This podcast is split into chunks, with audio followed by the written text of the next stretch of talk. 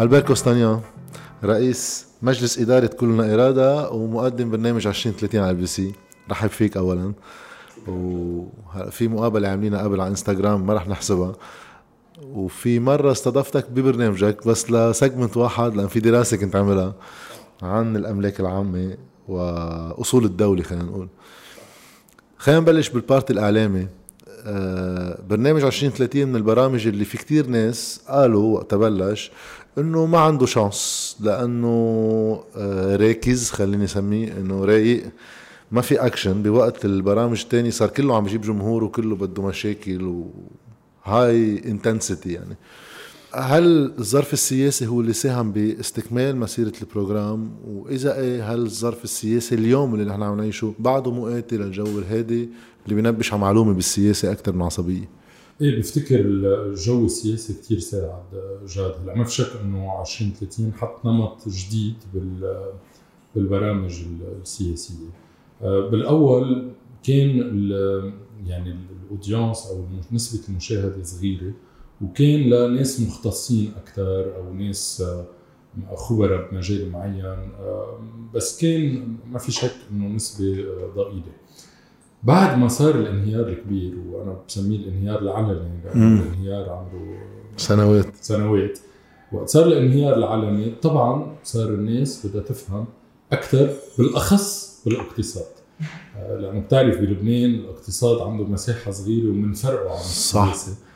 بينما كل شيء هو اقتصاد هي سياسة اقتصادية. صار الناس بدها تفهم إنه ليه ما في كهرباء ليه ما في مي ليه انهارت آه، المصاريف. الدولار أو الليرة آه، نفس الشيء كنسبة مخاطر. آه، شو يعني capital control وإلى آخره. صارت الناس آه، يعني تتابع أكثر وأكثر هالبرنامج. لصار برنامج mainstream وأرسى نمط معين صارت الناس عم عم تطلب هذا النمط. هلأ هل اليوم بعد في طلب على هالشيء؟ أنا برأيي إيه وهذا اللي عم لاحظه لأنه الأساسي هون بدنا نعطفها بالسياسة إنه التخدير اللي كان موجود قبل 2019 بكل سياسات الدعم اللي هدفها تخدر آه، تماما. الشعب.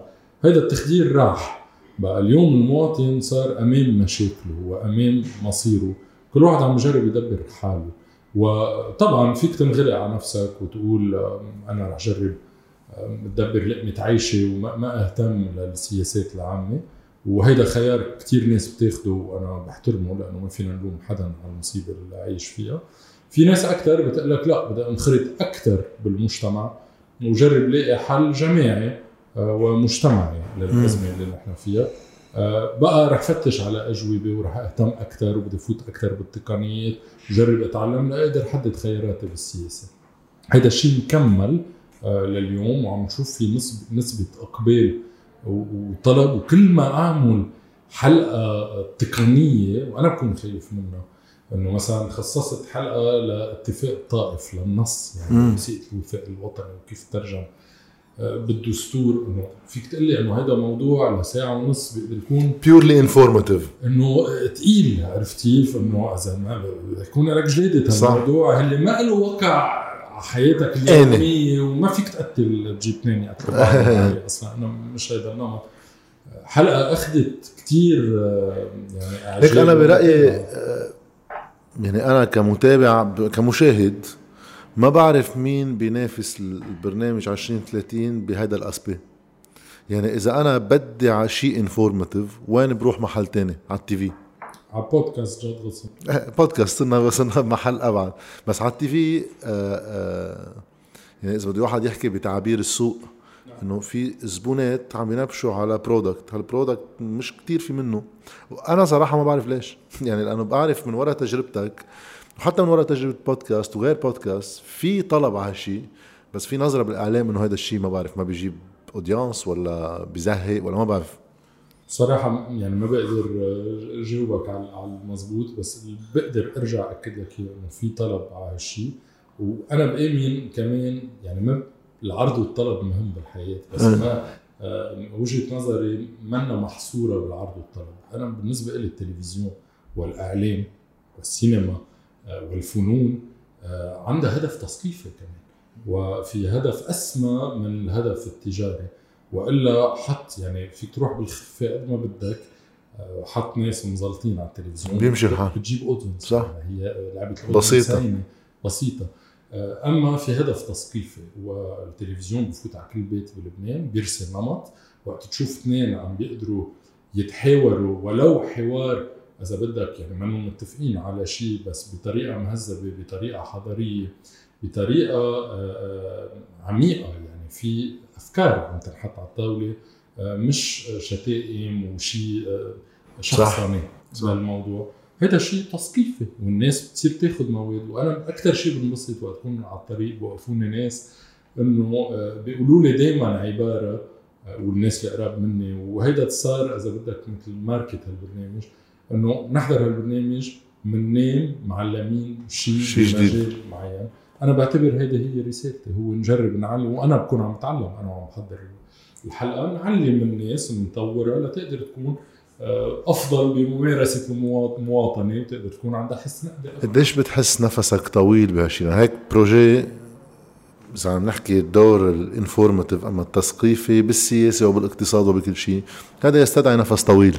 يعني واحد إذا مفكر في نتائج سريعة بدها تجي غالبا ما يحبط.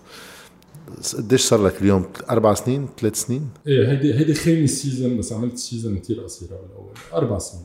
بهالأربع سنين حس حالك steady ولا عم تنزل ولا عم تطلع بانت مش مش audience وانت شعورك تجاه ال... لا لا بصراحة لا بحس حالي عم بطلع وعم بكون أهون. إلي. يعني أول أول اثنين season أنا ما تنسى مني يعني مش جاي من صحفي ال domaine. متدرج و- وجيت بالباراشوت يعني دغري على prime time ببرنامج أساسي على محطه أساسية. ما كنت نام الليل. آه و live ويا لطيف ويكزوا و- وكنت خاف طبيعي. لأنه غلطة واحدة والناس نطرتك. ولغتي العربية ما كانت كتير متمكن منها. آه، بالأول إن شاء الله تكون تحسن واضح. حسن. متمكن. شكرا. آه، بقى إيه ما في شك كنت كانت تاخذ مني تحضير ومجهود آه، نفسي أكثر بكثير من هلأ. صرت كأني رايح آه، قابل صديق يعني آه، آه، ما عاد فيها الستريس ابدا اللي عندي. أكيد قلعت حاسس حالي. هلأ قد إيه رح يضلوا عندي نفس؟ بصراحة ما بعرف. لهلأ بعده النفس موجود بس ما في شك إنه التلفزيون آه، بيهري. لأنه طبعاً. أول شيء الأضواء آه، بتضلها مسل- مسلطه عليك أنا بطبيعتي ما كثير بحب هالشيء. آه، وبعدين في آه، العمل الاسبوعي بدك ترجع تخترع حالك بدك تحافظ على المستوى. كيف علاقتك بال reactions على ال social media؟ ما كثير أنا ماني كثير social media يعني شوي آه، زلمه هيك متحفظ عن عندي على تويتر account بس ما كثير باخذ وبعطي بقرأ لك صراحة مش كل شيء. آه، تويتر تنزل وبتطلع معهم ولا ما بيأثروا لا لا لا لا ابدا صراحة ابدا لأنه لو بدي أتأثر لاحظت أول شيء إنه في كتير قصص موجهة وجيوش إلكترونية. هلأ أكيد الكلمة الحلوة دائما بتفرحني يعني. طبعا. بيجي كثير compliment ات وشو هالبرنامج وشو هلا. هذا شيء إنه أكيد بكون سعيد وقت أقرأ هالشيء. بس ما بيغير شيء بال... بالأداء. ولاحظت شغلة كمان إنه في حلقات بعملها ما بتاخذ zero reaction على مم. على تويتر. بس بالحياة المضبوطة أو بالمشاهدة بتكون النسبة عالية جدا والعكس صحيح. أيام بتاخذ كثير ضجة على تويتر وبتكون النسبة متدنية وقت كان عندنا طريقة نشوف شو نسبة المشاهدة. هلأ ما عاد في لأنه الشركة إيه صح. ما عادت عم تعطي هالشيء بقى ما في إذا بدك ارتباط بين قد إيه بتعمل ضجة، الضجة على تويتر هي حسب الشخصية اللي جايبها إذا عندها متابعين وجيوش أو لا. صح. وحسب قد إيه ال- المادة اللي عم تعطيها هي مثيرة للجدل. بقى عندي مسافة كتير كبيرة مع وسائل ال- التواصل الاجتماعي. السؤال عن الضيوف اللي بلبنان يعني بيسموهم الصف الأول الزعماء. نعم. أول شيء هل إجاك أول أول مرة عملتها هيك باكلاش إنه شو عم تعمل؟ لأنه أنا أنا بشيء أصغر من هيك بالبودكاست وقت تروح على الضيوف السياسيين التقليديين وبكون متوقع منك لأنه بيكون معروف موقفك السياسي العام أنت وين إنه شو عم تعمل؟ وأنت كيف بتقارب المقابلة بصورة مختلفة عن بقية المقابلات ولا لا؟ ابدا. عادي؟ ابدا. اي عادي. عادي. بركي فاجاتك بس اي عادي. لأنه من اول أنا فت بذهنية إنه هيدا عمل تلفزيوني prime time والبرنامج هلأ صار في عدة برامج سياسيه على LBC بس كان وقتها بفتكر البرنامج الوحيد السياسي. فاكيد كان لازم يستقبل آه، وجوه الصف الأول مثل ما بنسميهم بقى. ما عندي أي أزمة آه، وأنا برأيي هول اشخاص مؤثرين آه، جدا. عندهم جمهور كثير كبير. وعندهم جمهور كتير كبير. أول شيء أنا بحترم جمهورهم فعلا. يعني بركي ما بتفق معهم آه، وفي تفاوت طبعا على مدى الاتفاق. على مدى الاتفاق. بس بحترم جمهورهم وبرفض مقولة إنه هذا جمهورهم غنم أو كل واحد عنده سببه سببه وجيه من منظره. علي أحترمه أحترم جمهوره. علي أنا يكون أدائي نقدي وأنا ما خاف منه لهالسياسة صف الأول واقدر ألحقه على آخر. في شي حدا بيعذب عذبك أكثر يعني مثلا في لحظة معروفة وقت مقابلة آه، الوزير جبران باسيل حتى اعتذر منك آخر الحلقة إذا هيك إذا بطريقة الحكي. جبران باسيل صار معي معه مثل ما صار شوي مع سامي كليب مع مع جبران إيه صحيح. يعني أنا لقيت إنه شوي ظهر عن الأدبيات واللياقه وشخصا الموضوع وهجمني شخصيا. حطيته محله وتقبل هالشيء بفتكر هو حس حاله إنه غلط. ورجع عن خطأ وهذا شيء أنا بشهد له فيه يعني.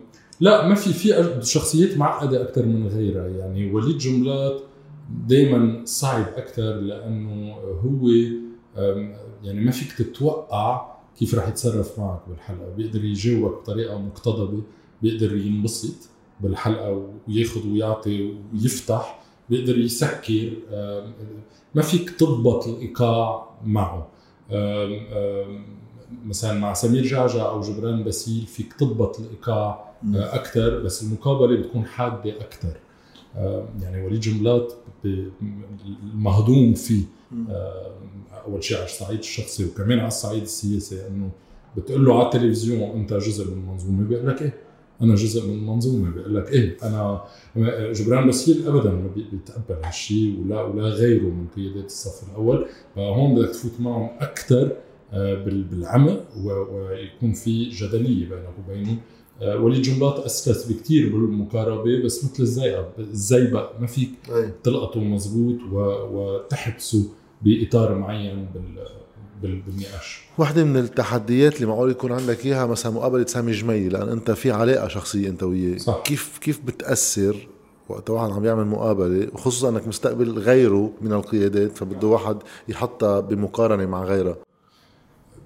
بصراحة هيدا شغل أنا كثير اشتغلت على حالي على هالموضوع مش بس تجاه سامي جميل لأنه أنا معروف إنه عندي رأي سياسي ومنه مستجد. يعني أنا إذا بدك ناشط سياسي من صغري كان عندي مواقف ومواقع وعندي نوع من آه، مسار سياسي عمره صار تقريبا 20 سنة.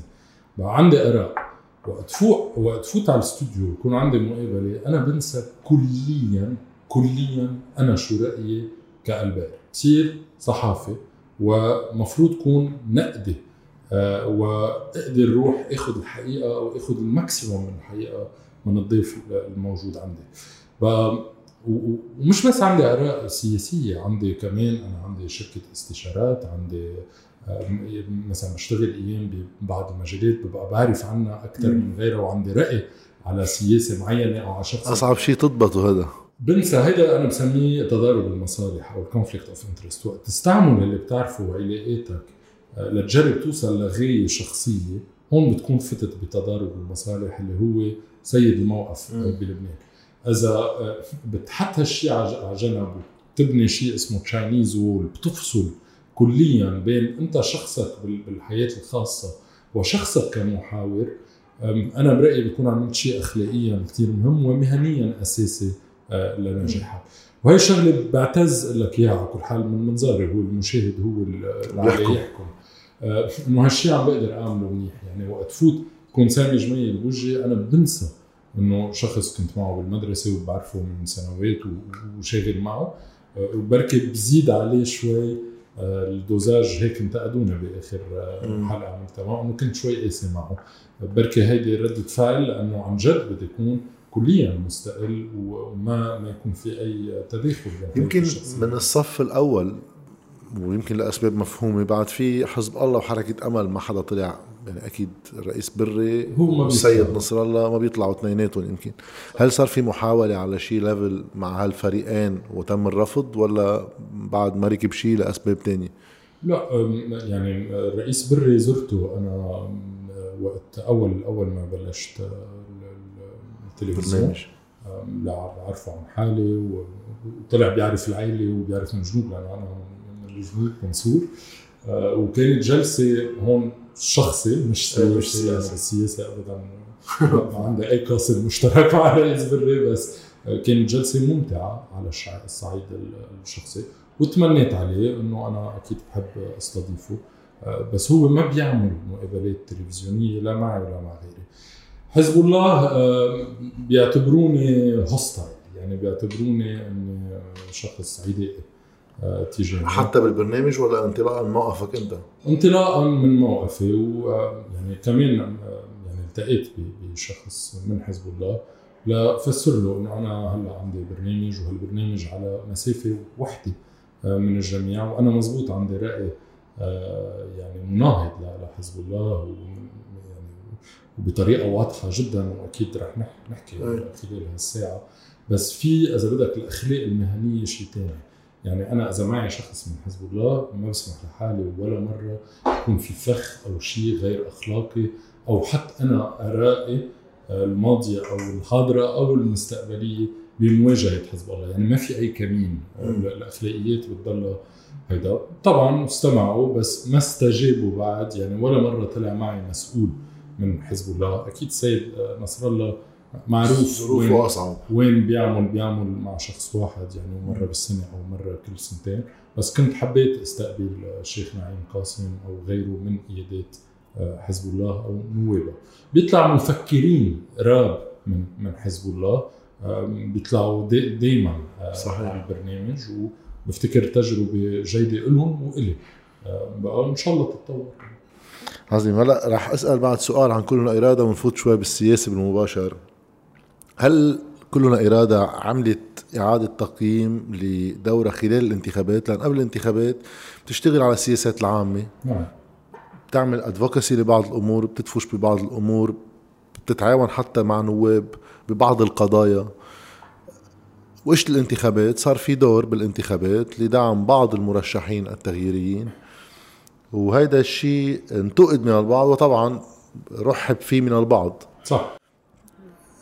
كيف بترجع بتعيد التجربة أما كيف بتعيد النظرة لهديك التجربة بعد ست سبعة أشهر عن انتهاء الانتخابات؟ وبعد معرفة نتيجة الانتخابات وما نتج عنها من قوى تغييرية في تباين بآراء بكيفية حصول هذا التغيير خلينا نحطها بالعنوان العريض. صح. آه، جواب رح يكون طويل شوي و- خذ وبتمنى وقتك. آه، نناقشه كمان. آه، كلنا إرادة مجموعة ضغط تهدف إلى آه، دعم التغيير في لبنان. دعم التغيير طبعا عبر وضع رؤية آه، معينة لأنه بالنسبة لنا التغيير منه شعار هو آه، رؤية وما بدي أقول لك برنامج مش إنه ورقة فيها أ بي سي دي هي رؤية معينة ونهج سياسي معين. كلنا إرادة بتشتغل على الصعيد الفكري ومثل ما ذكرت يعني بتعمل ادفوكسي يعني بتعمل ضغط على بعض المواضيع الأساسية آه، كنا كثير فعالين على الموضوع الاقتصادي والمالي آه، بآخر كم سنة للضغط آه، تجاه إقرار خطط ومشاريع معينة تخدم المجتمع اللبناني. وقت صارت الانتخابات اعتبرت كلنا إرادة إنه ما فيها تبقى مكتوفة الايادي أمام إذا بدك شباب وصبايا عم بيترشحوا بوجه الأحزاب الحاكمة خصوصيا انه كلنا إرادة فيها طاقات فكرية بس هي مجموعة كمان مكونة من ناس نجحوا اكثريتهم عايشين برات لبنان وعندهم إذا بدك آه، آه، مكونات مالية قادرين يساعدوا مكونات مالية مش عم بحكي بالأسطول الخامس عم بحكي إنه 10000 دولار 20000 دولار على صعيد كل فرد بس مجموعهم بيقدر يعمل package بيقدر يغير المعادلة. package عم نحكي هون صرنا مليون مليونين دولار. إيه، كلنا إرادة صرفت وأنا فخور جدا أقول لك إنه يعني المنظمة الوحيدة بركي أو من المنظمات القليلة آه، يلي نشرت حساباتها على ال website تبعنا وعلى وسائل آه، التواصل الاجتماعي. آه، تقريبا كان ال budget مليونين ونص دولار اللي قدرنا ساهمنا فيه بالانتخابات. اعتبرنا إنه المساهمة لازم تكون على شطرين أول شطر هو تحفيز الاقتراع بالأخص برات لبنان. وللكل نحن ما قلنا ولا مرة صوته لفلان أو لعائلتين قلنا للبنانيين برا عبر حملة دعاية عبر call center نعمل لنحفز الناس على الاقتراع عبر تفسير القانون وإلى آخره. إنه واجباتكم أنتم كمغتربين تقترعوا وتمارسوا حقكم لأنه أنتم محررين من القيود اللي اللبنانيين آه، يعني أنتم إذا بدكم كمغتربين دوكم أهم حتى من لبنان اللي هون اللي عم بواجه 100 مشكل. آه، أنتم نوعا ما محررين وصوتكم حر أكثر لنقولها بهالهذا هيدا تقريبا أخذ 40 ل 50% من من ال package هون عم نحكي إعلانات؟ هون عم نحكي إعلانات عم نحكي call center عم نحكي آه، محاضرات هونيك بس اكثريتها إعلانات social media وإلى آخره. ونحط على التلفزيونات وكذا. الفئة الثانية من ال budget آه، آه، تم فيها مساعدة مساعدة بعض اللوائح وبعض المرشحين. هلأ النقد يلي صار لأنه طبعا صار نقد هون له شقين. بقدر أقول لك أول شيء كتمهيد إنه أنا فعلا فخور باللي عملته كلنا إرادة. لأنه برأيي انخراط كلنا إرادة بهالمعركة عمل فرق وغير النتيجة. هلأ قد إيه؟ هل كم نايب جبت؟ ما بعرف أقول لك كم نايب جبت، في ناس بيقولوا كلنا إرادة اثرت من ثلاثة لخمس نواب، ناس بتقول لك صفر، ناس بتقول لك 10 بس ما في شك إنه كان في تأثير أساسي من وراء هالدعم ومن وراء إذا بدك الضغط اللي حطيناه خلال المعركة لا يصير في تواصل بين المرشحين والأحزاب والمجموعات، يعني كلنا إرادة كانت كل هالوقت عامل آه، توحيدي لكل هالمجموعات مش عامل تفرقة، المساج السياسي الوحيد كان تبعنا إنه يا جماعة افتحوا حوار بين بعضكم آه، يعني حتى بين مواطنون ومواطنات ومرشحين من غير مجموعات آه، جمعناهم هون بالمكتب هون إنه يا جماعة توحدوا على أساس برنامج ورؤية. طبعا مش توحدوا إنه حبينا بعضنا ناخذ صورة. بقى بالتأثير إذا بدك الدعم المادي وهالضغط المعنوي لتشكيل ائتلافات واسعة ويكبروا عقلهم وما يكون في خلافات بفتكر نجحنا إلى حد معين. اللي فشلنا فيه وهون النقد الذاتي هو آه، آه، تعريف التغيير. ونروح أعمق بموضوع شو يعني التغيير. وهون كلنا إرادة آه، يعني ما بدي أقول لك كنا شايفينها ونحن كثير شاطرين. لا أكيد يعني في مجهود إضافي كان لازم نحطه ما حطيناه. آه، وهذا من باب النقد الذاتي. بس نحن ب آه، كانون قبل الانتخابات قبل بسبعة أشهر طلعنا برنامج مفصل لهالانتخابات. وزرنا وجلنا وكان مساجنا الأساسي إنه موضوع التغيير لا يكفي. خي شو موقفكم من الطائف؟ شو موقفكم من الطائفيه نظريا وممارسه يعني إذا بيعزمك المفتي بكرة أو البطل بتروح بتروح أو ما بتروح. آه، آه، التغيير بآلياته البرلمانية شو بتعمل؟ هل بتتحالف مع أحزاب ما يسمى بالسلطة لتوصل لغايه يعني هي بسموها theory of change أم لا بدك تحافظ على نقاء ثوري معين آه، شو الاقتصاد اللي بدك إياه؟ توزيع الخسائر هل نستعمل أصول الدولة أو لا؟ اللي هن طبعا الأمور الكبيرة صحيح. اللي عم عم نواجهها. اليوم لأقول لك الصراحة ما كان في إقبال على هالمواضيع من قبل الجو عامة؟ لأنه هالجو وهون ما عم بنتقد هالجو كان محمول من موجة أو ميني موجة تغييرية. يعني الناس كانت قرفانة حياتها من السلطة وبدها تغييريين.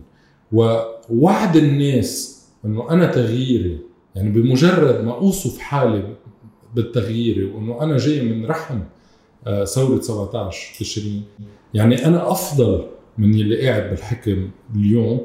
كان نوعا ما كافي لمخاطبة الناس أو على كل حال آه، يلي حاملين لواء هالحالة التغييرية. كانوا معتبرين ضمنيا ولا مرة حدا بيقول لك إياها طبعا بهالطريقة. إنه تقعد تعمق بهالتفاصيل اليوم. تخسرنا. اولا بتخسرنا ثانيا ما حدا عباله يسمع ثالثا تخلفنا. يعني رح نفوت. بينما هلأ لازم نركز كيف نبني لايحه وليه جاد مش البير وليه هذا طيب. هلأ الحق على مين بهالموضوع؟ في شقفة الحق على كلنا إرادة لأنه أنا برأيي وهون نقد ذاتي يعني أنا عتبان على حالي بهالموضوع إنه كان لازم نشدد أكثر عن هالموضوع. ومش إنه نمشي بالموجة وقت شفنا إنه ما في إقبال كان لازم لا نقول هذا شرط مسبق. آه وخيي لا نحن مش راضيين على المسار وما بنكمل غير إذا بنوصل لرؤية موحدة. آه في شقفة الحق علينا شقفة حق على المرشحين التغييريين اللي ما كان عندهم فضا تصوراتهم. لهال في منهم عندهم تصورات منهم أقل بس ما كان هيدي ما كانت هيدي الجدلية. وشقفه ثانية ثالث بركي الحق على الناخب أو الجو العام يلي ما كان عم بيطالب بتحديد المشاريع أو يكون في جدلية أكثر على المستوى الرؤيوي. عندي هون ثلاث تعقيبات ومنفوت دغري بالشق السياسي يمكن انطلاقا من الانتخابات ونتائجها. أه ما ما في هاجس لعلاقة المال بالسياسة وقتها واحد لأنه كلنا إرادة لو كانت advocacy group قدرتها فعليا على الجمع كتير معتمدة على إنه okay أنا إذا بدي أقدم لك أي بين مزدوجين تنازل على صعيد إنه أنا بدي أحكي مع حدا يمكن ما كان بالوارد أحكي معه بس أفضل يمكن بالمقابل في قدرة إنه نندعم خصوصا إنه هاللوائح التغييرية مش كلها بس بمعظمها قدراتها المالية أقل من خصومها. تداخل المال والسياسة ما عليه علامة استفهام كيف واحد بده يقربها؟ لأنه كلنا إرادة بتقدر تلعب هذا الدور ولكن النتيجة التي ستصدر عن الانتخابات تبقى معفية من المحاسبة عنا لأنه آخر شيء إنه النائب سيحاسب.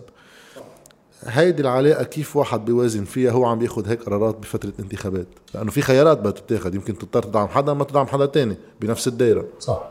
ما في شيء مطلق هون جاد يعني أنا باعتباري أول شيء الميل هو حاجة؟ لا يعني إذا بدنا هون نكون متناسقين مع نفسنا. إذا بنقول بلد عليه خطر كتير كبير. آه، وهالمنظومه وهلأ بنحكي بعدين بركي عن تعريف المنظومة أو السلطة القائمة عم عم تحرق دين هالبلد وعلى كل المستويات وعلينا واجب نحن آه، آه، إنه نجابه أو نواجه هيدي السلطة هذا الشيء بده مال بده تلفزيون بده بده حملات بده logistique هلا مشان هيك؟ بالمطلق ما في شيء سيء ما في شيء إيجابي حسب كيف تعملها إذا إيه أنا بجي بعطيك mille بمضيك contrat وبقول لك بدك تعمل هيك هيك هيك وأنا صرت الأمر الناهي صارت مش علاقة ملتبسة صارت علاقة مدانه صح. أنا بكون صرت أنا السلطه عندي. نحن المساعدة اللي تقدمنا فيها اولا على الصعيد الشخصي أو كل لائحة إذا بتقسمها منا dominant واصلا كله محترم محترم القانون الانتخابي وفي سقوف كل شيء بنعمله مزبوط نحن يعني مؤسسة آه، عنا audit عنا محامين. ما مش على الطريقة إذا بدك اللبنانية. ما في تقديمات كاش كله آه، فيه traceability و accounting وإلى آخره. آه، أول شيء ما عندنا dominant position يعني ما عندنا سطوة على حدا. نحن واحد من الناس يلي ساعدوا كل مرشح أو كل لائحة ثاني شيء هيدا هي مساعدة بلا مقابل. يعني ما في contrat بينه وبينه ما في نحن مش طالبين منه شيء. يعني عم نقول له أنت آه، خي آه، في مبادئ سياسية عم نتفق نحن وياها. نحن هي مبادئنا ككلنا إرادة. يعني إذا حدا منه كثير واضح على موضوع سيادة البلد ممارسة ونظريا أو إذا حدا على الموضوع الاقتصادي في خلاف نحن وياه أو على موضوع استكمال الدولة المدنية. اللي هي المبادئ الرئيسية طبعا هي معمى أكثر بكثير من هيك. نحن ما بنساعده. بس إذا في اتفاق على هالمبادئ العريضة هيدي مساعدة بلا مقابل. نحن بنقول له قادرين مثلا نقدم لك البيلبوردات الدعائية قادرين نقدم لك شيء له علاقة بالتلفزيون وهذا هيدي تقدمة عينية لك لها facture لها traceability بتتقدم للمجلس الدستوري آه، بعدين وبعدين تعمل اللي بدك إياه. يعني ما في تبعية. بقى بالنسبة لي علاقة صحية آه، جدا وعلاقة متينه بالعلاقات يلي بينظمها القانون واحد بلبنان ثانيا بكل الديمقراطيات الكبيرة بالعالم. بكل الديمقراطيات وقت واحد يترشح على الرئاسة أو على النيابة له حق ياخذ آه، مساعدات من الناس. بس هذا القانون بينظمها. بصير في القانون بينظمها. ممنوع يكون في علاقة تبعية ممنوع يكون في one donor بيتخطى سقف. نحن احترمنا كل هال best practices أو هالمعايير. لما نخلق هالعلاقة التبعية بيننا وبين الأشخاص بقى بعتبر إنه بالعكس كانت سوبر نظيفة وسوبر الجسر على المدخل للسياسة. قديش اليوم وقتها تطلع على النواب التغييريين اللي طلعوا تحت شعار التغيير؟ نعم. بداية بتحس في مسؤولية على كلنا إرادة بوصول بعضهم أم بعد في رضا إنه بعد في مجال للنية الأولى من الجمع على أساس برنامج سياسي أم الموضوع عم يروح لغير محل صرنا. عم نروح على محل ربما الفرز على أساس سياسي. إيه. أول شيء قصة رضا أو أو غير. صراحة شخصيا طبعا عندي تقييم لكل هذا بس كمؤسسة منا بموقع نكون راضيين أو مش راضيين لأنه مرة تانية ما في contrat بيننا وبينهم عملنا يلي كان لازم نعمله. يعني وإذا لازم أرجع عيدها بعيدها. يعني okay في جو تغييري منه آه، بركي رؤية وما عنده هال بركي هالبعد اللي بركي شخصيا أو أنت أو حدا تاني بيطلع. لا بس أكيد أفضل من المنظومة. إذا بدي أكون آه، مواطن منخرط وإذا عندي 5000 دولار بدي احطها بمحل برجع بحطها مطرح ما حطيناها يعني معايير كانت كثير نقية. ما علي يكون راضي أم لا. آه، هاي بأول هيدا. هلأ ثاني آه، موضوع وهو الموضوع الأساسي الفرز اللي صار هو لأنه آه، ما تم الاستثمار بالفكر السياسي قبل الانتخابات. وصلوا صاروا نواب واختلفوا على أول موعد. لأنه لا عارفين إذا فينا نتعامل شوي مع أحزاب السلطة واصلا شو يعني سلطة؟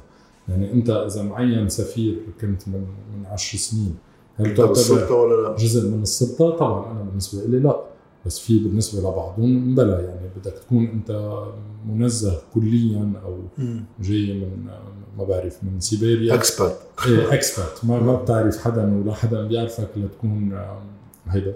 هيدا طبعا حقهم يعني بس هيدا الشيء ما تناقش قبل وشو هي الرؤية؟ يعني التغيير بيقدر يكون للأسوأ وللأحسن ولنص درجات وربع وفيك تروح لمجتمع ليبرالي ماركسي ما بيعني التغيير ما بيعني شيء. طبعا عم يدفعوا حق هالشيء هلأ علينا هون ككلنا إرادة. يا بدنا نقول وإذا بدك نصير بجوقة إنه خذلونا وهذا. ليه منا بهال بهالجو؟ اولا نحن ما كنا متوقعين كثير وهذا شيء أساسي. يعني نحن ولا مرة ولا مرة لأنه آه، أنا عامل لي شيء 40 اجتماع مع مغتربين وشي 50 اجتماع مع ناس محليين لنحفزهم على الاقتراع. ولا مرة بكلنا إرادة أنا وغيري طبعا بكلنا إرادة قلنا للناس إنه إنه يا لطيف إذا بيطلع له 20 واحد تغييري بحزيران تغير كل شيء. بأحلى بلد بالعالم. في إذا بدك كان calibration أو في آه، يعني management للتوقعات. نحن متوقعين يعني مسار تغييري طويل. إذا بيخلص بال إذا ببلش بال 20 30 بيكون شيء روعة. التغيير فيه تغيير ثقافي تغيير مجتمعي بده يتواكب بالنقابات بالمدارس بالجامعات. يعني المجتمع مهتري كليا هيدا ما بتجي تغيره بثلاث أشهر. التوقعات ما كانت كثير عالية. والاداء آه، دون التوقعات اللي منا كثير عالية أصلا. لازم يصير يا جمعهم يا فرزون. آه، مش هن بيفرزوا وبيجمعوا بعضهم. لا أنا ما لي ولا دور ولا كلنا إرادة ولا دور. غير توضيح النقاش ببعض السياسات العامة اللي عم نطرحها عليهم. بيقدروا ينقسموا مع وضد أو كلهم مع أو كلهم ضد. هن عليهم آه، ومش بس النواب كل هالمجموعات يلي ناتجة عن الثورة وكل هالناس ناتجة أو مش ناتجة اللي بدها تعمل سياسة بطريقة مختلفة عليها تحدد خياراتها. أنا اللي بحلم فيه جاد هو الطبقة السياسية من أمر الحرب آه، يلي ورثينينا نحن من أدبيات الماضية. وهلأ بنحكي اللي أنا برأيي نحن عايشين بعدنا بحرب بلبنان. هالطبقة الحرب الواحد بيقدر يعيشها بحرب لو عمره 30 سنة يعني ما ضروري يكون كان قاعد على الحاجز عوامل الحرب توقع هي حاكم السياسي كلها كل هالتخاطب وادبيات الحرب اللي نحن عايشين فيها آه، أنا حلمي إنه هالطبقة تختفي وتجي طبقة جديدة من هالنواب التغييريين وغيرهم يختلفوا هن بين بعض. ويختلفوا هن بين بعض. في أحلى منا نختلف على السياسات العامة في أحلى منا واحد يجي يقول لك أنت ما أنت منك فهمان شيء لأنه بعد بدك تولد كهرباء على آه، إذا بدك آه، على الطاقات ال- التقليدية. واحد بيقول لك لا بدي full renewable واحد بيقول لك آه، السياسة الدفاعية لازم نقاربها ب بهالطريقة. واحد يقول لك تمام خلينا نحكي سياسات عامة بس بطريقة نظيفة بطريقة متطورة. أنا هيدا حلمي. بقى إذا انقسموا أو توحدوا هيدا شيء رجع مش. هون هلا بنبلش نحكي مع ألبير كوستانيان مش كلنا إرادة. نعم. نحكي شوي بقراءة الظرف السياسي اللي عم نعيشه. رح أعمل هيك مقدمة تشوف قديش بتوافقني عليها ولا لا. تا واحد يشوف وين المشكل بأنه كان في شيء بيتمنى واحد يقلع مش على صعيد الإنجازات إنه بده يغير البلد ولكن على صعيد قدرة التغييريين داخل المجلس وخارجه يأثروا بعناوين النقاش على شو عم نتشارع نحن. تقديري أنا إنه 17 تشرين صار مع بارادايم شيفت بكيف جزء من اللبنانيين قرروا يتعاملوا مع أزمة انهيار واقع عم بيعيشوه كان بالنظام السياسي أم بحياتهم الاقتصادية اللي لها انعكاسات كتيرة. هالبارادايم شيفت أساسه؟ آه إنه صار في حدث. هالحدث فرجانا شيء كان موجود ولكن مضمر مش مبين؟ وكان مأزوم اللي هي وعود إنه لبنان ماشي حاله ثبات سعر الصرف وأدوار المصارف دور حاكم مصرف لبنان علاقتهم بالسياسة هاي كان كلها لها صفة. فجأة ظهر لنا إنه هيدي كان فيها تفسخات كتير كبيرة مخفية ما حدا عم يناقشها بس كان لازم تناقش. وأنا تقديري إنه التغيير المنبثق عن هاللحظة اللي فيها بهالبارادايم شيفت يجب أن يكون وفاء حركة وفاء لما بدر بهاللحظة. فبصير الممانعة والسيادة والموازنة والدستور إذا ما بنقربهم من خلال هالعوينات الجديدة اللي حطيناها لنشوف الدنيا من خلالها بنكون بغض النظر عن نوايانا نحن جزء من خلاف يشكل هو النظام خلاف التقليدي ممانعة سيادة. أنت هون ولا هون؟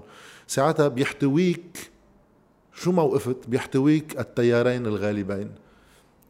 هل انت بتوافق على هالنظرة ولا فيها بنظرك محل؟ لا فيها كوع على شيء تاني. فيها يا. لا يعني بوافق بس ما بوافق كمان بجزء معين. أنا بالنسبة لي آه، 17 تشرين أول شيء هو تراكمي. يعني منه لحظة منفصلة عن آه، مسار تكوين حركة نقدية آه، واستعادة المبادرة الشعبية. وأنا حتى إذا بدك ضمن سياق 14 اذار يعني بالنسبة لي آه، في لحظة م- مؤسسة وأنا كثير بتعني لي مع إنه ما كنت أنا بلبنان. ب 14 أذار ظهرت بباريس لأقول لك الصراحه بقى بالنسبة لي 14 أذار آه، هي لحظة تأسيسية آه، اللبنانيين قالوا بدنا سيادتنا. بدنا نكون وطن طبيعي ما بدنا السوري. يحكمنا بدنا نس- نسترد زمام الأمور. صار يلي صار بعد 14 أذار وأجهدت 14 أذار. أول شيء بفعل العنف. آه، مشان هيك أنا ما بوازي ولا مرة ولا بشكل من الأشكال 14 أذار و8 أذار بعدهم آه، بالبعد الوجداني إذا بدك كمحطات وكحركات سياسية عميقة آه، وأنا شو بتعني لي؟ 8 آذار أنا بالنسبة لي كان عنوانه الوفاء لسوريا واستكمال ال status quo اللي هو في حكم خارجي سوري أو غير سوري بس بالأخص من هالمحور الجامد الممانعجي اللي يعني كان محتل لبنان من التسعينات و14 اذار اللي كانت صرخه تحرر آه، آه، بلبنان. أجهدت 14 اذار واحد بفعل العنف تقتلوا الجماعة وهون في قاتل ومقتول وأنا ما بوازي بيناتهم. ثانيا بفعل ضعف وفساد قيد قياداتهم ثالثا بفعل التبعية للخارج. التبعية للخارج اللي بتنفي طبعا السيادة يلي هي آه، يعني العنوان يلي الساحة اكتملت من حولها بس هي الساحة خطفوها السياسيين بعدين. هلأ التبعيه للخارج هل إجت نتيجة الاغتيالات ونتيجة تبعية الفريق الثاني وهون استمجادا راحوا على السعودية أو لا أو هي عضوية بهالفريق الثاني؟ بصراحة هيدي التاريخ بيحكم وجدلية ثانية بس أنا ما بتهمني أنا بهمني الناس مش القيادات وصلنا للحظة 17 تشرين يلي مهدت لها طبعا أمور عديدة آه، يعني صار في وعي اجتماعي آه، من بعد ما استهلك النقاش السياسي إنه حزب الله وضد حزب الله يلي انخاضت المعارك على أساسه بال 2009 وانتهى دغري من بعد الانتخابات لأنه تشكل حكومة ائتلاف وطني ومسيو سعد الحريري صفى وين؟ بالشام يلي كان تهمها إنه قتل بيو الناس شافوا إنه هيدي معركة هي مشهد الطيارة وحده على الدوحة وحلينا كل أمورنا بثلاث أيام خلصنا صار في منظومة وناس بالنسبة لي 17 تشرين هو عاملين أول عامل هون أكيد رح رح توافق معي ونحن حاكيين بهالموضوع هو انتهاء مفعول المخدر. هيدا ال Xanax أو ما فهم كثير بادويه التخدير بس شيء كثير قوي ال Lexotanil بركي أو شيء من هالنوع. حنصير نفهم كلنا مع الوقت. حنصير نفهم كلنا مع الوقت. okay هيدا لك عم تاخده جسمك له له 30 سنة قطعت منه ها؟ مرقت ب dépression وعيت على الحياة. هيك طبيا هي هيك بتصير بفتكر. في اسال هيك عن parenthèse. في لأن نظريتين.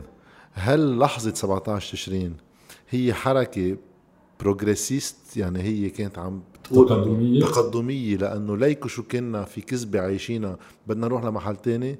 أم في ناس وصفوها إنه هي حركه حركة conservateur يعني. إيه conservatrice يعني رجعوا. بدنا نستعيد الهدوء تبع ال Lexotanil. لا أنا بلاقيها تقدمية. لك لأنه شو الوجهتين اللي بتشوفها أول واحد راح التخدير. والتخدير كمان معك دائما الحديث ممتع ونفتح 100 بارونتيز بس التخدير شو هو؟ هو الدعم. هو دولة الدعم والدعم منه هيدا الدعم اللي كنا عم نحكي عنه على البنزين. اللي هو فعليا بيخلق لك استقرار. هيدا الاكزوتاني إنه نحن ماشي. على 1500 الكهرباء مدعومه والإسكان مدعوم هن الثلاث أوجه الأساسية للدعم يلي طبعا عم ندفع حقهم. ورح ندفع حقهم لبعد 20 سنة. okay؟ هيدي الدولة فلست ما عاد قدرت هب وعينا. ثاني شيء أساسي هو استعادة الساحة العامة. وهذا شيء أنا كثير أثر فيه. وشفته ولمسته. وإذا بدك physically يعني جسديا الناس ما عادت تفل من الساحة قصة الساحة العامة. كل السياسة سياسة الدولة هي إلغاء المساحة العامة للبنانيين ما يقدروا يشوفوا بعضهم ويحكوا مع بعض. إمتى بيلتقى الغني والفقير؟ ما بعرف إذا هول حكينا سوا من سنتين ونص لأنه عندي. déjà vu صغير بس ما عليه بنرجع بنحكي انه أنا كثير مفهوم أساسي هذا بالنسبة لي. الغني والفقير وين بيلتقوا؟ بيلتقوا بنقل المشترك. لأنه النقل المشترك منه للفقير هو للكل لأنه هو أفضل وأسرع more efficient more efficient extra okay وين تلتقى؟ بتلتقى بالشاطئ العام، تلتقى بالمدرسة الرسمية، والمدرسة الرسمية منا للفقراء، المدرسة الرسمية بالبلاد اللي بتحترم حالها هي أفضل مدرسة والمستشفى الحكومي وإلى آخره، لك هون حديقه ما عاد عنا، ما عاد في أي مساحه، والساحات إذا بتطلع على سوليدير كيف مسكرينها باوتوسترادات كله معمول بالبلد لما نقدر نمشي نلتقى. نلتقى غني فقير مسلم مسيحي برجوازي مش برجوازي ما نقدر نلتقى ما في مساحه عامة. بقى هون شفنا قد إيه الشعب متعطش لمساحه عامه قد إيه متعطشين أنا عملت كذا توك تحت وكذا الناس بدها تسأل عن الدستور و, و... و... ناس إنه بدهم يلتقوا بد- بدنا نحكي وبدنا خلينا نفتح المساحه أنا بالنسبة لي هي 17 تشرين وما لازم نكون وفيين له ما لازم نكون وفيين. وفيين لل- للفكرة التي انبثقت من خلال حدث الانهيار مش ل 17 تشرين كلحظة جامدة إيه إيه، ما لازم نكون في. شيء إيه. خبرني إنه كان في غلط بحياتي 100% لازم نكون وفيين ل إذا بدك لأنه أنا بالنسبة لي الحياة بتكمل وهي. مسار وبتكمل ما في شيء اسمه أنا من رحم الثورة وأنا 17 تشرين. بتصير ايدنتيتي بتصير ما, ما في شيء. آه أنت ما كنت آه رح تقول. لا لا ابدا مش هيك. 17 تشرين المسار لازم يكون أو في أول شيء لاستعادة المساحة العامة. هيدا مفهوم أنا بالنسبة لي تأسيسي آه، بلبنان. كل شيء معمول ليشيلوا من المساحة العامة. رح كررها بركي برجع 100 مرة. نعين اللبنانيين إنه كل شيء خاص private هو أفضل. ونحن للمفارقة اليوم اللي عم نعيشه هو the full privatization لأنه الكهرباء موتور البنايه المي المي. الستاير كل شيء صار private بدكم full private هيدا هو ال system. خاصة إذا private ضمن منطق الحرب يعني كل واحد في منطقته وفي ال private تبعه. أكيد القوي قادر وما في أي مساعدة لهيدا. donc يت- يتم إقصائك إذا منك قادر ولا بيطلع على الكهرباء ولا- طيب هيدا هو المجتمع اللي جربوا ياخذونا عليه. لا أنا بدي مجتمع فيه ساحه عامة وهي 17 تشرين آه، بدي مجتمع فيه لقاء الآخر وفيه حوار ما ضروري نتفق على كل شيء. وبدي مجتمع منه مخدر. يعني منه عصبي لأنه التخدير بيجيب العصبية ودغري آه بدي أعضك وتعضني. تمام. لا بدي فوت بالسياسات العامة بدي فوت بالرؤية. ما في مسلمات ما في شيء مقدس لا الدستور مقدس لا حزب الله مقدس لا العداء لإسرائيل مقدس لا صداقه سوريا مقدسة. ما في شيء مقدس. بدنا نفتح النقاش على كل شيء وفي آليات آه، ديمقراطية وآليات تشاور. هي بتصنع القرار. وأهم شيء جاد وهون بختم هالسؤال الطويل هو ثقافة السلم. يعني الساحة العامة شو يعني؟ هي السلام. هي السلام. هي وقت أنت تفتح جدلية مع حدا يكون في تشاور أنت صرت بحالة سلم بينك وبينه. صرت بحالة تقبل أنت آه، فكر الأغلبية على الأقلية. لأنه إذا أنا وياك بحرب جار ما رح أقبل ولا مرة بإطار ديمقراطي إنه فكرك يتغلب على فكري. لأنه أنا رح خونك. وأنا ما بقبل ديمقراطيا إنه عدوي يحكمني لو كانت ديمقراطيا. بس إذا كنا أنا وياك شركاء بالمواطنة وعلى آه، في تساوي بيني وبينك وأنت تغلبت علي بقواعد لعبة سليمة تفضل و- ونفذ رأيك. رح ناقش كذا شغلة لأنه very interesting وهيك مشبع الجواب بكذا شغلة. كنت بالتيار الوطني الحر و بوقتها كنت 14 اذار ونزلنا على المظاهرة وصار التفاهم مع حزب الله فجأة صرنا 8 اذار بصير الواحد بيطرح على حاله أسئلة كمان إنه في شيء عم بيصير بهالدنيا. في العناوين السياسيه اللي بتنطرح موقع لبنان تجاه محيطه واحد ما في يسكر على سوريا آه لا سوريا وإيران معقول يسكرون على الخليج ومصالح لبنان الاقتصادية غير محل غير الأمور الأمنية غير إذا أنت بصراع مع إسرائيل كيف بدك تواجه؟ كيف بدك تدافع عن البلد؟ كلها أسئلة مشروعة ولازم يتم النقاش فيها ويمكن الشيء الوحيد اللي كان مفيد بفترة 8 و14 إنه طرحوا لنا أسئلة لازم يصير في عليها جواب. صح. المشكل اللي أنا بلش يطلعني من جو التيار الوطني الحر بداية من 2009 بتصور من الدوحة والانتخابات وبرايح مثل الكثير من اللبنانيين مش لحالي.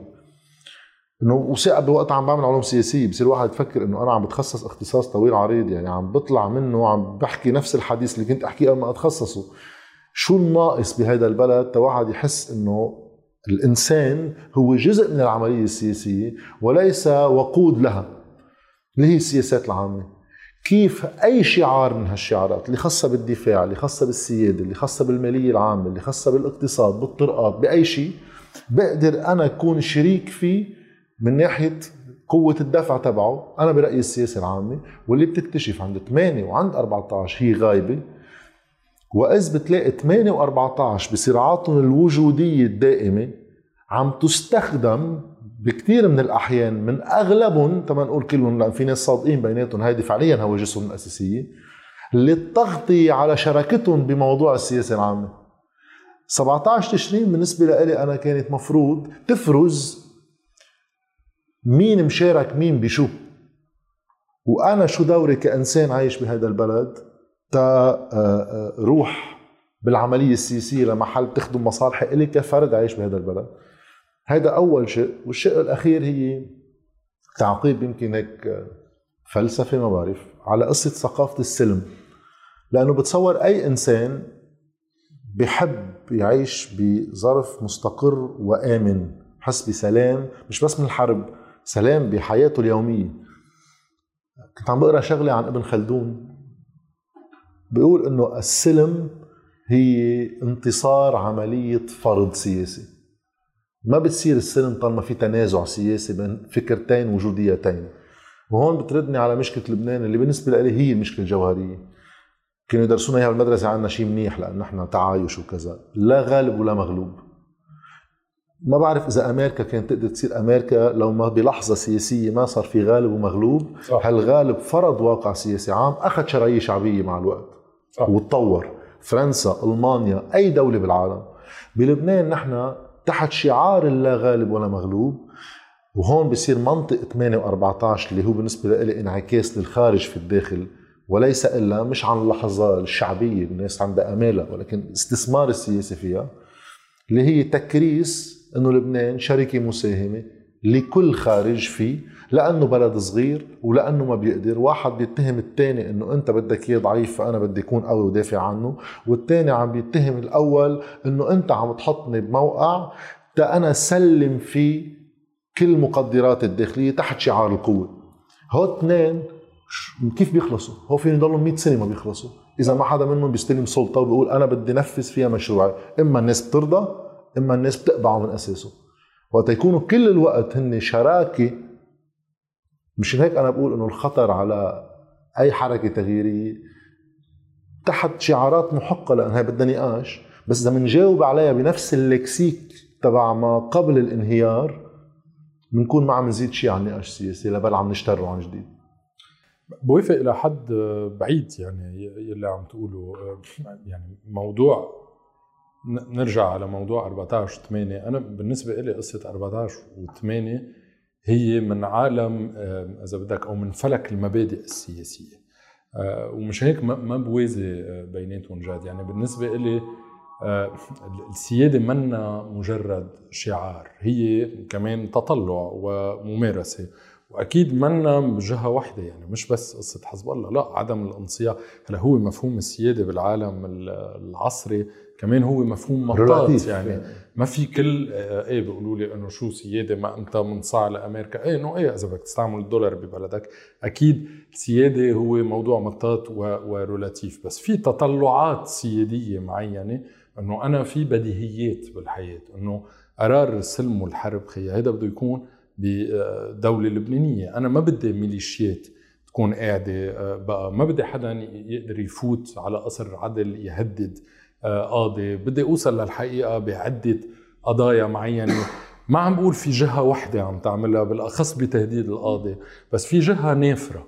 حزب الله ما بقدر وازي. بعرف أنا إنه بركي الحزب الاشتراكي عنده شي dépôt فيه كلاشينكوف وبركي عنده هاون بشي محل بالجبل. بس عندي جيش أقوى من الجيش اللبناني اسمه حزب الله آه، بفاوض مع بلدان مثل إسرائيل. مش إنه حيلا بلد بينزع لك علاقاتك.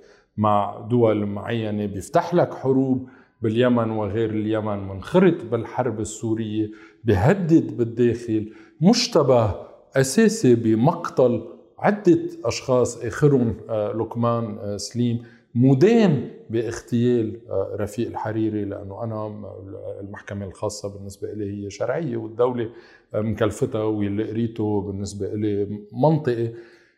عندك هيدا بميل وعندك بميل تاني إيه بقايا ميليشيات حرب منن جمعية مر منصور ولنن إذا بدك هيدا بس بالنسبة لي بالأولوية لا بدي أعالج موضوع حزب الله بالشراكة مع جمهور حزب الله هون بصير السؤال إيه؟ كيف أنا okay. معه بس okay. السؤال الإشكالي إيه؟ إذا نحن بلحظة سياسية بدنا واحد يكون فيها مش عم بيستثمر بالعصبيات okay. الناس اللي بده يعالجها كيف بنحط سبيل مع okay. موازين القوى القائمة هي رح أرجع لها بس بهمني كثير كمان جاوبك على موضوع السياسات العامة لأنه هون بوافق معك 100% هذا الموضوع المبدئي اللي أنا بالنسبة لي أساسي لقيام الدولة اللي هو هدفنا وحزب الله منه عقبة هامشية امام قيام الدولة ككونه حزب طائفي مثل الأحزاب الأخرى. هو عقبة أساسية مع غير عقبات. دونك علي أنا واجهها. بس هالشيء وهون أنا عندي خلاف مع زملاء وأصدقاء سابقين وحاضرين هيدا اللي بيعتبروا إنه أنا كثير بعطي أهمية للموضوع الاقتصادي والسياسات العامة.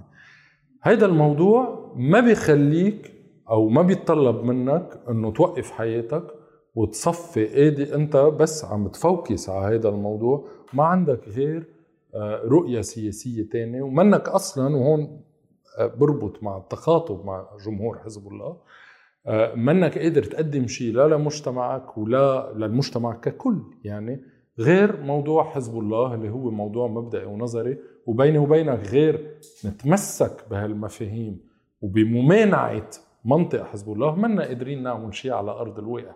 أنا ما عم طالب إنه نروح ننزع السلاح بالقوة من حزب الله أنا عم طالب بحوار.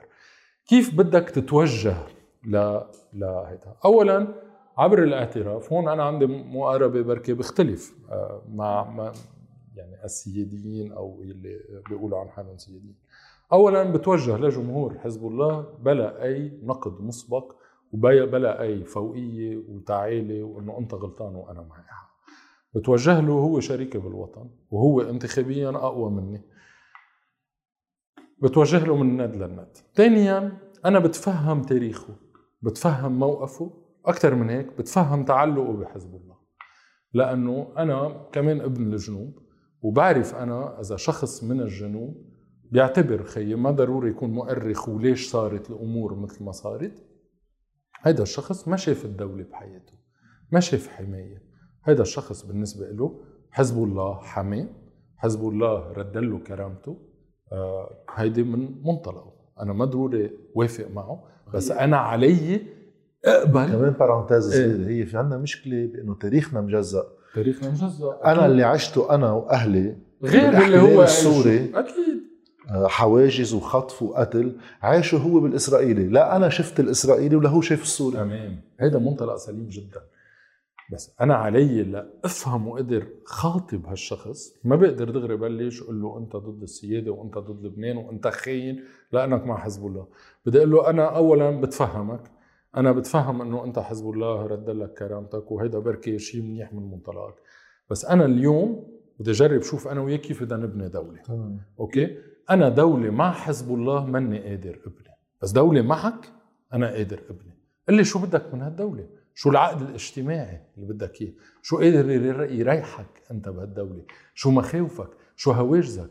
شو الشيء يلي نقصك بحياتك؟ لنجرب سوا نلاقي حل يرضيك ويرضيني ونكون شركاء بالمواطنة. بس أنا ما بقدر أفرض عليه أنا الهاجس اللي أنا وياك جاد عشنا نفس الشيء أنا موقف على حاجز سوري وأنا ولا مرة شايف لأنه ما كنت عايش بالجنوب. حاجز إسرائيلي. حاجز إسرائيلي وماني آكل أزيفة من الإسرائيلي بس آكل من السوري. بس علي اتفهم إنه شريكي بالوطن ما بيشاركني هالهواجس ذاتها وابني معه هالعلاقة. ونتفق على هدف نتفق على الهدف أنا بدي تنمية اقتصادية بدي هالشخص أنا يتطور ثقافيا. بدي أطرح عليه سؤال إنه حزب الله كم شركة خالق بالجنوب هيدا العنوان حزب الله كم تطرحه. سوق فاتح؟ حزب الله قد إيه نسبة التقبل للأفكار الأخرى آه، للثقافة بعنوانها العريض؟ أنا هيدا الوطن يلي بتطلع آه، إليه.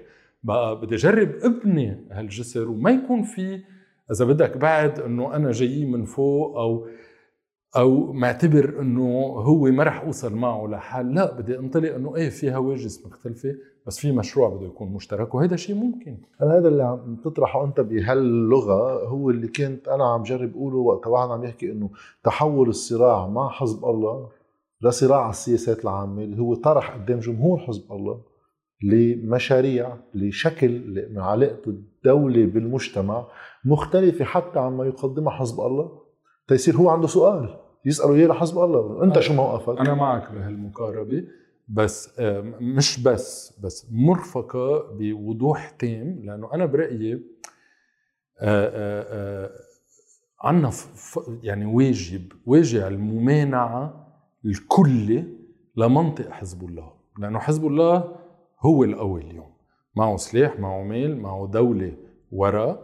التطبيع مع حالة حزب الله وننسى إنه هو آه، وضع أنا برأيي يعني الشواذ الأساسي بالتركيبة الوطنية هو بجسدها آه، انسى هالشيء وصفي عم بهتم بسياسات النقل أو سياسات الكهرباء هو شيء غلط. ما في إيه؟ ما في ما في either or. ديكوتومي ما في هو شيء واحد.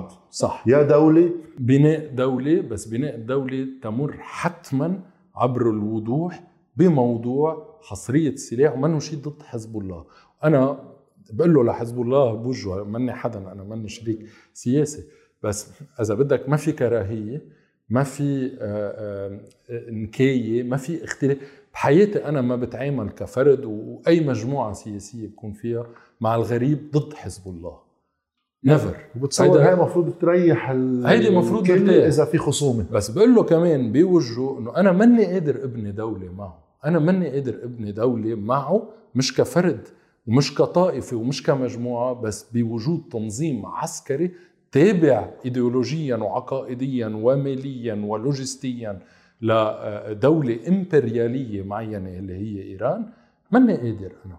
بده يفك هالربط آه، مع إيران ويرجع على الداخل ويقول لي بدنا نبني دولة سوا. هل كتير في عنا نماذج تاريخية بالعالم لبلدان بحالة صراع؟ انت عم تقول انه بعدها ديناميك الحرب مستمرة وإن نعم. واقف التقاتل ولكن المنطق السياسي الحاكم حياتنا اليومية هل في منطق بإنه الأطراف المتنازعة طواعية تتخلى عن مكامن قوتها السياسية والعسكرية هيك ولا نرجع على حاجتنا لظرف سياسي بيخلق في نوع من غالب ومغلوب لأنه ما بعرف إذا معقول يصير هيك إنه فجأة واحد يعني عم بفترض افترض إنه بالتسعين نعم. ما صار في اتفاق الطائف وما صار في تفاهم سوري أمريكاني سعودي اللي هو مع حرب العراق نعم. وغيره. يجوا هالميليشيات يقولوا كرمال لبنان نحن سلمنا حالنا. في شيء بيصير هيك بالدنيا؟ أه، لا سؤال كتير محله. بفتكر أغلبية ال ال يعني ال- الأمثلة التاريخية هي أه، غالب ومغلوب يعني إن كان بأمريكا طبعا ب- ما بعرف كيف سموها بالعربي بس الحرب الأهلية guerre de sécession أو بروسيا كان في روسيا البيضاء وروسيا أو بفرنسا كمان. يعني الثورة الفرنسية كان فيها غالب كان فيها ومغلوب تقطيش روس يعني. تقطيش روس وجغرافيا انقسم البلد ل... ل... ل... لفتره زمنية منا منا هينة لقدروا بعدين بالمدرسة الجمهورية يقدروا يجمعوا. بالقوة. يعني قدروا وحدوا اللغات وإلى آخره والديانة حتى تماما. آه، إلى إلى الكتلكة قبل ما ينتقلوا ل... لنوع من من العلمنه بس في نماذج تاني آه، يعني النم- النموذج الأكثر شيء يتردد هو نموذج آه، أفريقيا الجنوبية. يلي صار في effort داخلي وقت صارت اللعبة الداخلية يعني أنا برأيي وقتها كان فريدريك دو- دوكليرك حكومة آه، فريدريك دوكليرك مزبوط كانت معزولة صارت دوليا ونظام الأبرتهايد كان بس كان بيقدر يكمل وفي غير أنظمة كمان آه، كانت معزولة يعني آه، بال- آه، عدة روبير موغابي كمل 20 سنة يعني صحيح. وهو معزول. بس آه، آه، آه، بأفريقيا صارت zero-sum game يعني خلص صار اللي بربحه أنا أنت عم تخسره واللي عم بخسره أنا أنت عم تربحه. والمجتمع ما بيقدر يكمل هيك إذا انفرط عقد المجتمع كليا. وأنا برأيي هذا الشيء شبيه عم بيصير بلبنان. يعني المواطن اليوم ما بدي أقول كلمة الشيعي بس ال ال ال إذا بدك مؤيد لحزب الله مؤيد لحزب الله مين ما كان. إنه هيدا مبسوط بلبنان جد؟ إنه في حدا يكون لا ولا في. أنت عم تقول لي إنه كل الناس بدها سلام وأنا معك طبي... طبيعة الإنسان هي دائما يعني بتروح نحو التطور الذاتي نحو الرفاهية نحو العيشة. على هيدا فكرة كل بناء فكرة الأمن هو للحفاظ على السلام. طبعا طبعا. بقى يعني هون برجع بسأل آه، يعني مؤيد حزب الله كم شركة خلق حزب الله بالجنوب كم start-up في؟ كم آه، آه، إذا بدك مجمع ثقافي كم مساحة للتعبير آه، في هونيك. بفتكر ما حدا مبسوط. يا اللي ضد حزب الله مبسوط لا اللي مع حزب الله مبسوط وإذا كسب حزب الله وهون مش بصير يعني يتلاقى حزب الله مع بقية القوى السياسية. بهالشق هيدا لأنه ما حدا بيعمل شيء. ما, ما قدم شيء. وكل واحد منهم دائما بيعمل هيدي الضيعه النموذجيه يعني بتكون ضيعة الزعيم نفسها. بتصير إنه هيدي إنه لو أنا بدي أحكم كنت بعملكم ما اياها أنت هيك حاكم اليوم ما شفنا شيء منك. بقى أنا برأيي لا حان الأوان اليوم لنبني هالجسور واللي عم تحكيه على السياسات العامة أساسي بس دائما ضمن انفلوب أو مغلف متماسك إنه إيه شروط الدولة هي عديدة منها توزيع الخسائر على عقد اجتماعي وإلى آخره بس في حصرية السلاح اللي هي أساسية. أنا اللي بزيده إنه بس بربط قصة توزيع الخسائر أي موازنة جدية بدها تقام أي حركة حكم فعلية بدها تصير توزيع الخسائر هو مرتبط بالسياسة الدفاعية. أنا عمين بوزع خسائر وليش أنا على أي أساس بدي أبني فوائد للدولة لوزعها؟ كيف؟ ما الدفاع بدي إذا كان أصرف ميزانيات إذا في ضرائب إذا في غير منطق بده يحكم العقلية بالحكم. ويمكن أنا مثل آه، آه، جنوب أفريقيا هو من الأمثلة اللي أكثر شيء شدتني إنه اترشح أصلا على الانتخابات لأنه بالمبدأ ما بحسها شغلتي اللي هي إنه بموازين القوى القائمة إذا بنوصل للحظة طرفي الصراع إذا صاروا طرفي صراع نسميهم سلطة وفي حزب الله. والمطالبين بالتغيير بيقدروا يكفوا عن نفسهم خسائر ستحصل بالبلد إذا استمرينا هيك من خلال عملية تفاوض مسبقة. خلينا نحن نوزع الخسائر اراديا مش عم نحكي خسائر بس الاقتصادية الخسائر السياسية اللي قد تنجم إذا ما عملنا شيء لأنه يعني بيبقى خطر الاقتتال محدق إذا واحد ما استبقى. حرب. حرب. بعضنا بالحرب صح. هذا اللي بخوف. اليوم مسار الافراغ السياسي لحقبة ما بعد الانتخابات إذا نلاحظ شو صار بعد الانتخابات. فعليا مشي. يعني في ارتقاب لمواعيد فوتها ضمن الاصطفاف. يعني لا حكومة الحق عمين لا رئاسة الحق عمين ولا تشريع بأي صفة من الصفات ولا معالجة مالية واقتصاديه بحس إنه جزء من هالعملية هي تخبط سياسي لعدم قدرة على اتخاذ قرار ولكن جزء وكأنه زيادة الأزمات بتخلي الناس ترجع لعصبياتها الأولية الخوف الأكبر. فبتكون مفيد. لها دور مفيد انتر جيمي باللي ذكرته بالبداية اللي هو نوع جديد من التخدير. واضح. بتحس هذا الشيء عم بينجح ولا بعد في قدرة على الممانعة؟ لأنه يعني في جو إحباط إيه. بعد الانتخابات ما بتصور غافل على حدا. ما بفتكر عم بينجح بالصميم لأنه الناس صار عندها وعي لأنه التخدير الأساسي هو مالي. أنا بعتبر لأنه بيدق بيدق يعني رفاهيتك وكيف أنت عايش. بينجح بطريقة نسبية بس بفتكر الناس الخطر الأساسي هو إنه الناس تعتبر إنه كل هالموضوع هو ضجيج وتفقد الصلة مع إذا بدك أي المعترك السياسي وأي قدره على التغيير. والتطبيع مع إنه هيدا البلد ما بيتغير بحياته. هي قصص بنسمعها إنه هيدا البلد ما بيتغير. مع إنه صار مغير 100 مرة يعني. مع إنه صار مغير 100 مرة وكل عمره هيك واصلا ما هيدا. وقت امبارح كنت بمحاضرة باليسوعية وأحدهم قال شغلة كتير مهمة كمان. وقت تبسط الأمور وتقول الحق على الطائفية. بتكون عم تشيل الذنب من الطبقة السياسية. تمام. يعني وقت تضلك تقول لبنان بلد طائفي وهي الحق دائما على الطائفية على الطائفية الطائفية. وقال المحاضر لا الحق مش على الطائفية الحق على نبيه بري. إنه ما نبيه بري واحد بأحدى من القضايا مثلا. بأحدى القضايا. إنه ما فينا هيك نجهل إذا بدك المسؤول.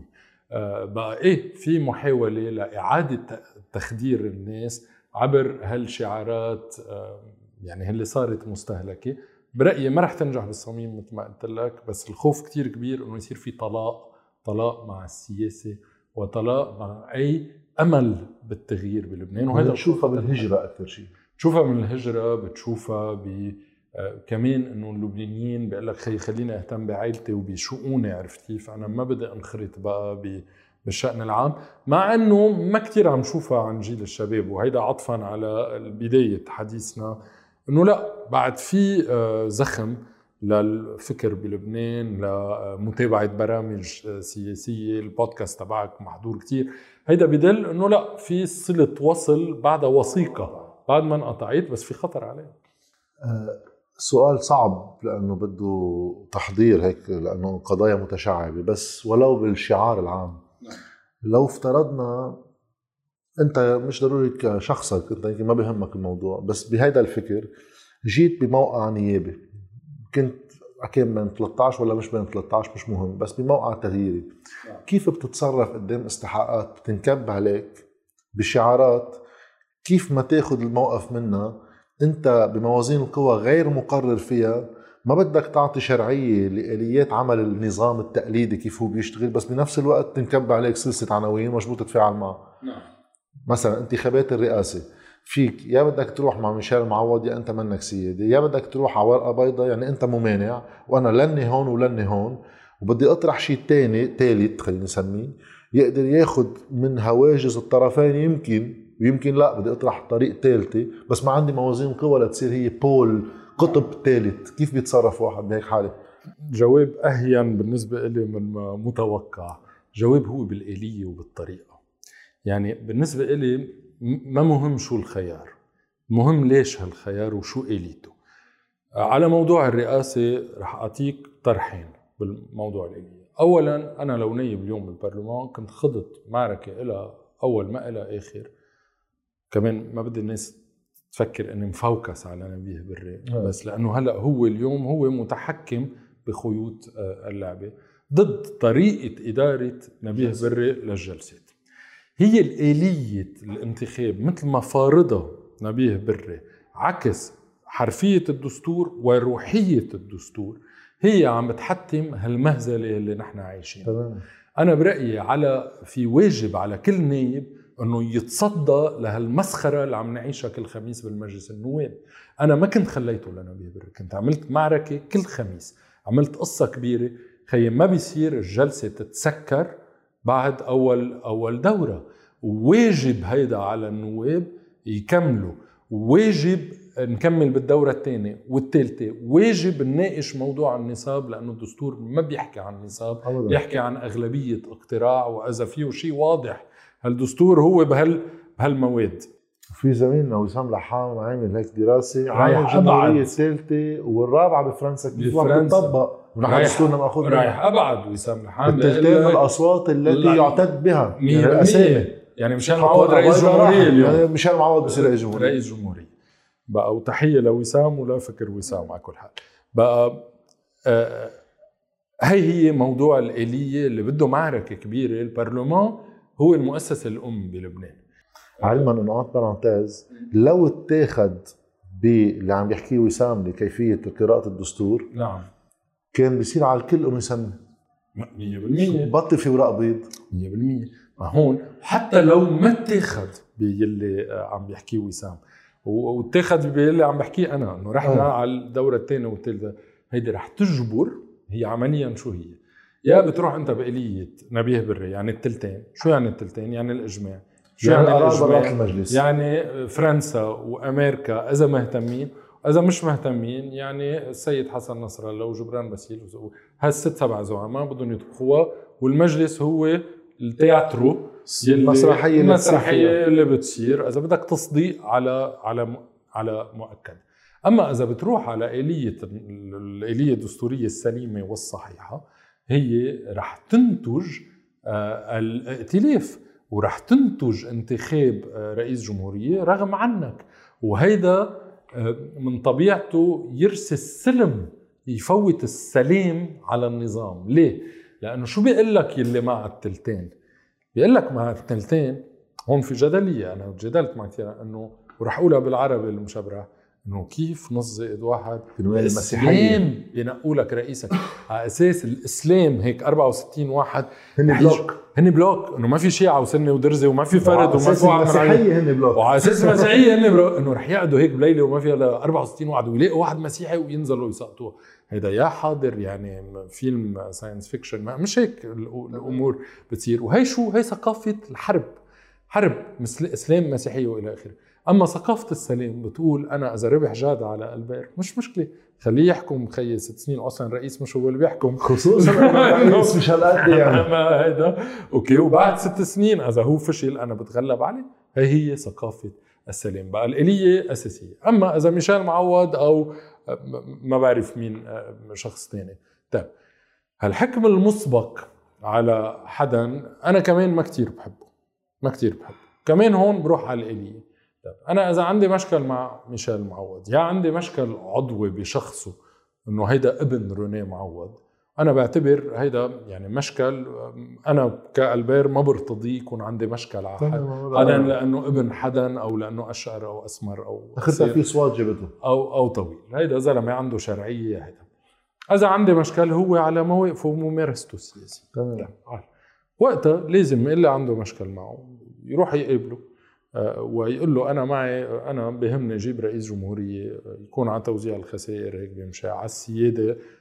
عدا عن الشعار طبعا روح بالتفصيل. واحد روح بالتفصيل هيك هيك هيك موافق يا أستاذ أو منك موافق؟ إذا موافق تفضل اعمل مؤتمر صحفي معي. طبعا هلا في غير حسابات فيها تصير وبركي منك حبيب قلبي أو الأقرب على قلبي بس أقل ضررا بالنسبة لي. بس بالحياة هيك بتصير الائتلافات. بالدوره الثانية عادة بالديمقراطيات يلي فيها دورة ثانية. مثلا الحزب الشيوعي والحزب الاشتراكي بفرنسا في محيط محيط. يعني منهم قراب بين بعض فكريا الحزب الاشتراكي. أكيد والاشتراكي أقرب إلى اليمين من الحزب الشيوعي. بيقتلوا بعضهم بيوصلوا على الدورة الثانية بيقول لك شيوعي طب أنا شو الخيار الأقرب؟ بس شو ما بيروح هيك بيسلفوا إياه بيروح في برنامج بيقول له أنت موافق على هي هي إذا بتوصل على الحكم تعمل هي هي, وأنا بكون حصتي مش من المراكز حصتي من البرنامج. أنا رح طبق بموضوع الطاقة برنامجي. بتتنازل لي تمام. هي طريقة فرنسا مع النيوب شفناها مع النيوب اللي هو ائتلاف كمان ناس ما كثير بيشبهوا. ما كثير بيشبهوا. عملوا ائتلاف. السياسة كمان هو فن الممكن. بقى لنقدر نتقدم بالحياة أنا بدعي الجميع إنه ما يكون في عصبية. حكيت شوي بس عن يزبط شوي إيه. اللي انت عم تطرحه. بده يستدعي انه الاطراف اللي عم تتحاور كان موقع قرب ام خصومي يكون في وراء قدامهم هن شو بدهم؟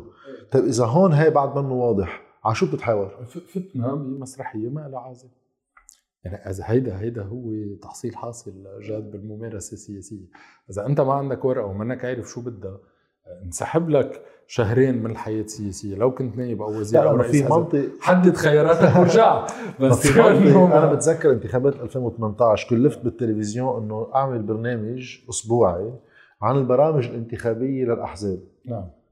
قلنا كفكرة حلوة القصة. بعدين جبنا البرامج قلت ما بينعمل صراحة البرنامج. ما في مواد. ما في مواد في شعارات إنه أنا مع حقوق المراه طيب أوكي شو كيف؟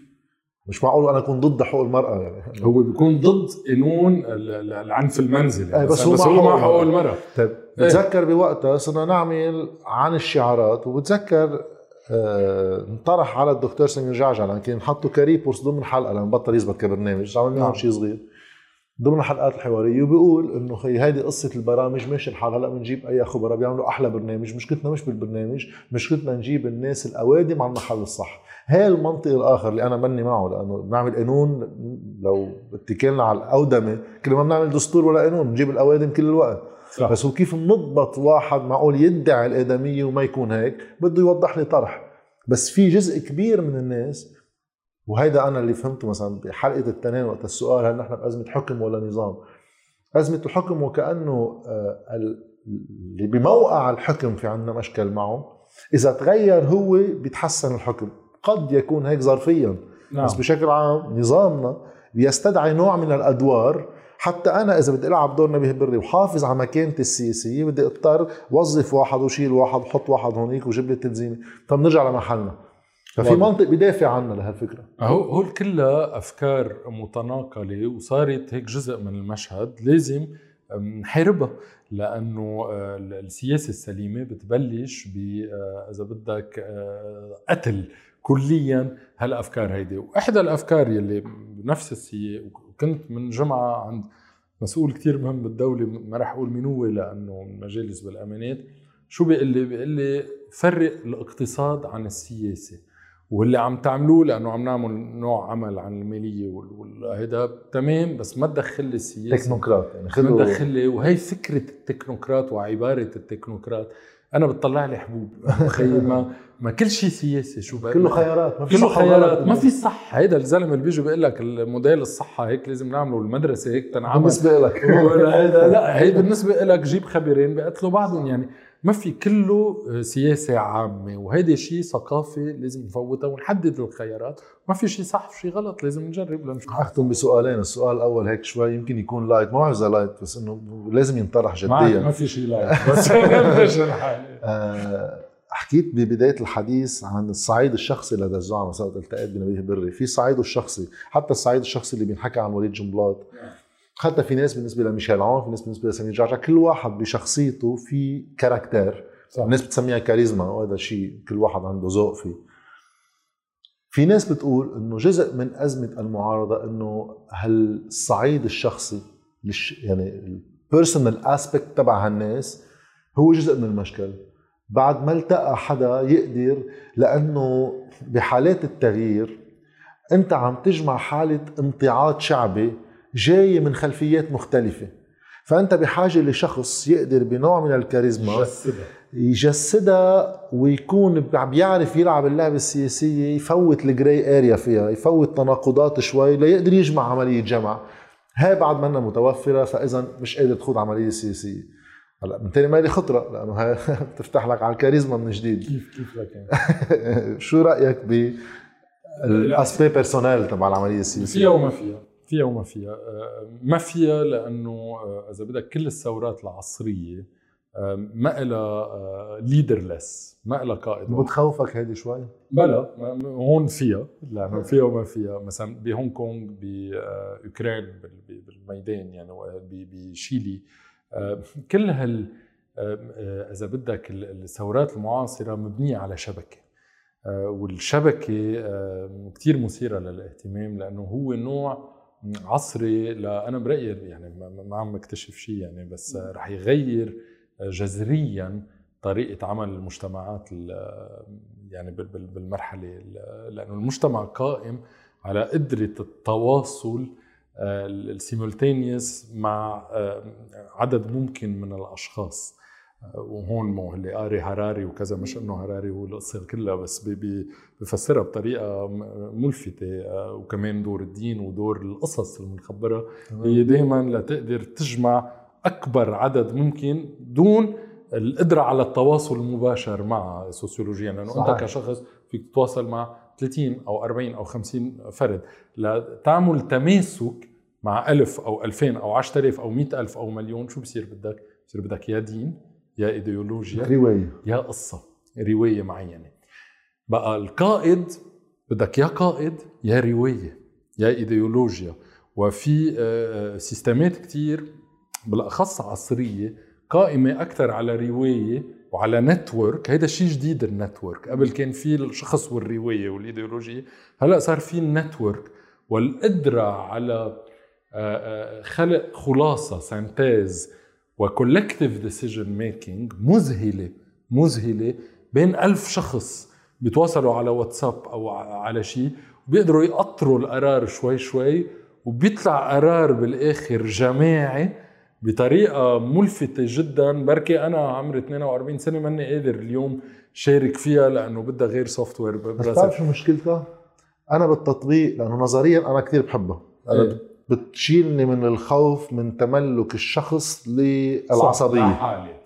بس بنفس الوقت وقت توصل على الخيارات المفصلية. في أمور ما فيك تطرحها على ألف واحد. مزبوط يعني بدي أتحالف مع حدا بانتخابات. ما في اسال ألف واحد إذا إيه ولا لا. وبدي أو بدك مرونة وبصير ينقسموا بين بعض. بصير يخلق عصبيات ضمن العصبية. مش بس هيك الأغلبية مش دائما معها حق. يعني عندك خبرة وعندك حدث سياسي يعني ما ضروري دائما الأغلبية يكون معها حق. هون الجزء إنه فيها والما فيها لا أكيد كمان آه، لازم يكون في نوع من التنظيم. هون دور الأحزاب ودور يعني أنا ما بحطها بشخص واحد آه، بحطها بمؤسسة بتنظيم. لازم يكون في بالأخير هيئة عم تتحمل المسؤوليه وتقرر آه، تقرر إذا منا منيحة بتشيلها بتعدلها بتهيدا هل الهيئة بيقدر ينبثق عنها أمين عام أو رئيس؟ أهم شيء ما يكون كامل الصلاحيات ويصير طاغية معينة وتصير الناس آه، تجسد التغيير فيه لأنه هذا خطير جدا. واخرتها كلنا رح نموت.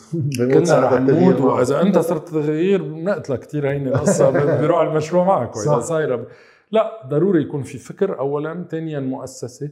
ثالثا شخص. ليش لا؟ أو عدة أشخاص. يعني ما أنا ماني ضد الشخص بس ضد أنا هاي مقولة لا بدنا leader وهون ترجعنا شوي على حب اللبنانيين للديكتاتور ولل للنظام الأبوي كمان شوي يعني هي كتير متجذرة فينا. لا في نوع من طريقة أخرى وعصرية أكثر بس ما بتعفي إنه بالأخير بدك شي شخص. سؤال أخير آه هيدا الحوار بحد ذاته آه اللي فيه بعض الاختلافات وفي كثير من التفاهمات على الأفكار. هل بتحس إنه ب...